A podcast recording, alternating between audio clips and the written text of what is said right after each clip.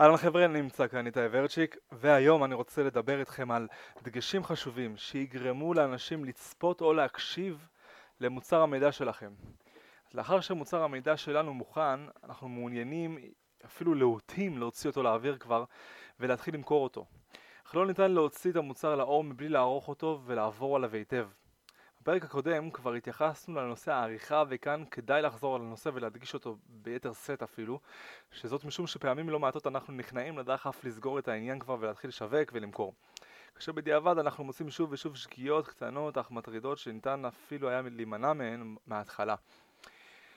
אז אם אנחנו נרצה להשתמש במוצר אחת השאלות הראשונות שאנחנו צריכים לשאול את עצמנו בעת העריכה של המוצר היא האם אנחנו בעצמנו כלקוחות היינו רוצים להשתמש בו כי אם אנחנו לא נהיה שבעי רצון מהמוצר של עצמנו, סביר להניח שגם את האחרים לא יהיה קל לשכנע לרכוש אותו. כמו שאמרתי בעניין של מכירות, כאשר אתם מסוגלים להיכנס לחוב אפילו בשביל המוצר שלכם, אתם מאמינים בו מספיק בשביל למכור אותו. לפיכך בעת עריכת המוצר חשוב לעבור על התכנים שוב ולגלות מה מפריע לנו ומה אנחנו יכולים לשפר על מנת שנוכל להרגיש אותו לאחרים. מוצר שהוא נוח לקריאה חשוב שיהיה גם אם מוצר המידע שלכם הוא מדריך או ספר כדאי לשים כדאי לשים דגש רב על השפה שבה הוא כתוב ועל התוכן שבו. לדוגמה, אל תשתמשו בשפה גבוהה מדי או מליצית, מה שמתאים לחוגי הספרות והלשון העברית לא מתאים לאדם הממוצע, שבסך הכל מבקש לדלות מידע מהמדריך ולקחת משהו פרקטי. אל תספחו אותו ואל תגרמו לו לפתוח מילון אבן שושן בכל חמש דקות או אנציקלופדיה, הקפידו להשתמש במילים פשוטות ומובנות. מנגד גם אל תשתמשו בשפה נמוכה מדי או סלנגית יותר מדי. אם אתם מעוניינים בכך שיתייחסו למוצר שלכם ברצינות, תקפידו על שימוש בשפה איכותית ונטולת שגיאות כתיב. אל תסתבכו, אל תסבכו גם את הקורא, והימנעו משימוש בניסוחים תחביריים מורכבים או משפטים ארוכים מדי או דו משמעויות שלא יכולות להיות מובנות לר... לרוב האנשים או לחלק מהאנשים. לקורא שלכם אין גם זמן להתמודד עם השפה, הוא מעוניין לקבל כמה שיותר פרטים ופרקטיקה בזמן קצר. תחלקו את המדריך לנושאים, ראשי פרקים ופסקאות, כי בעולם המהיר שלנו לאיש אין זמן או סבלנות, או סבלנות בכלל לקרוא טקסטים ארוכים. מדי אפילו, או, או ארוכים יותר על המידה. לפיכך חשוב לחלק את המדריך שלכם באופן נוח, כך שלפי תוכן עניינים ברור, יוכל הקורא למצוא את העניין המעניין אותו, את הפרק עצמו חל... תחלקו לכותרות משנה ולפסקאות על מנת להקל על הקריאה השוטפת. הוסיפו סיפורים ואנקדוטות. זה שכתבתם מדריך עדיין לא אומר שאתם צריכים לשמור על אווירה רצינית ואקדמית לאורך כל הדרך. אם תתבלו מדי פעם, אה, בוא נגיד ככה, אם תטבלו יותר נכון את המדריך שלכם מדי פעם, הסיפורים שלכם יהיו יותר מרתקים ותיצרו הרבה יותר עניין בקרב הקורא והוא, הנה, הרבה יותר מקריאת המדריך עצמו, אלא יוסיף טעם וריח ותבלין כזה שיעשה אותו הרבה יותר נעים לקריאה. תוסיפו איורים למדריך גם. מכירים לצורך העניין את הפתיח המפורסם של אליס בארץ הפלאות, אליסה לפני שהיא נופלת למאורת השפם ומתחילה בהרפתקות שלה, היא יושבת על שפת הנהר לצידה של אחות גדולה, שקועה בקריאת ספר, אז היא משתממת בקלות שכן הספר לא מכיל תמונות בכלל. ובכן, קוראים רבים גם לא שונים מאותה אה, גיבורה של הסיפור, בינינו גם אנחנו אוהבים להתפעל מאיורים, קריקטורות או ציורי קומיקס המופיעים לצד מאמר ארוך. גם אם אתם מוגבלים במקום ונאלצים לוותר על תמונות איכותיות, אז במהלך העריכה עצמה תשתדלו לא לוותר על איור או אייקון או משהו שיהיה יותר, יהיה תוכן עשיר יותר מאשר סתם טקסט. כי הוא זה שיכול לעשות את ההבדל הקטן בין מוצר מידע מעניין לבין מוצר מידע סטנדרטי ומשעמם.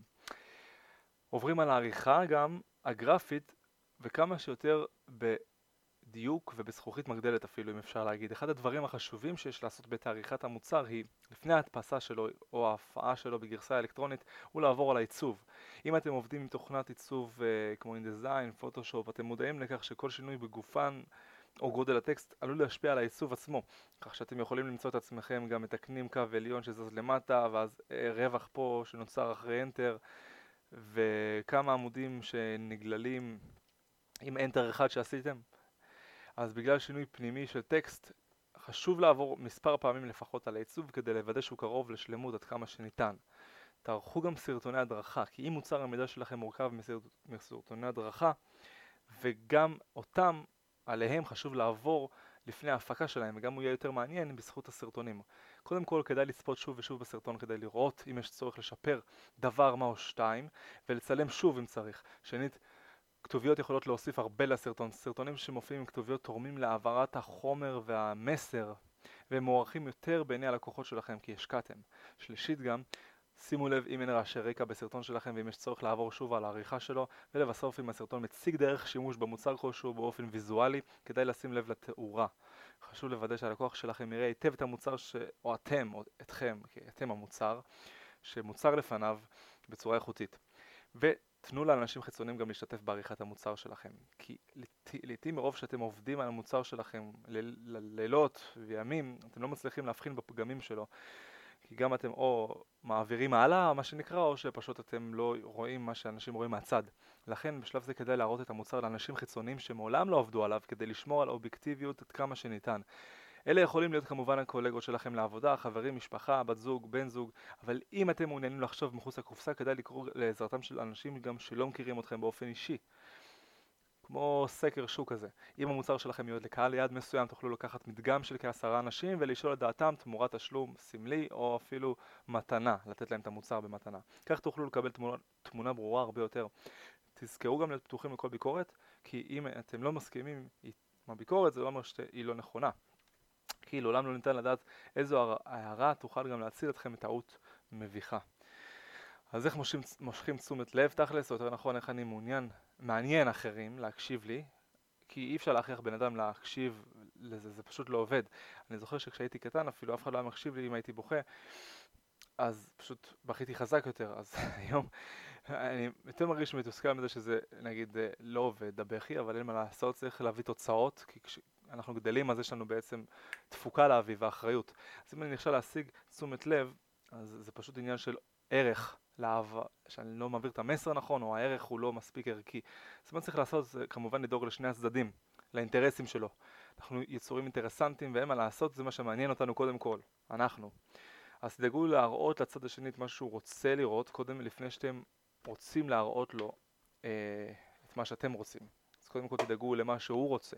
וזהו, עד כאן אנחנו נמשיך לפרק הבא שנדבר עד כמה בכלל שווה הקורס או המוצר הדיגיטלי שיצרתם וכיצד אפשר למכור אותו, שתהיו מוצלחים ומנצחים.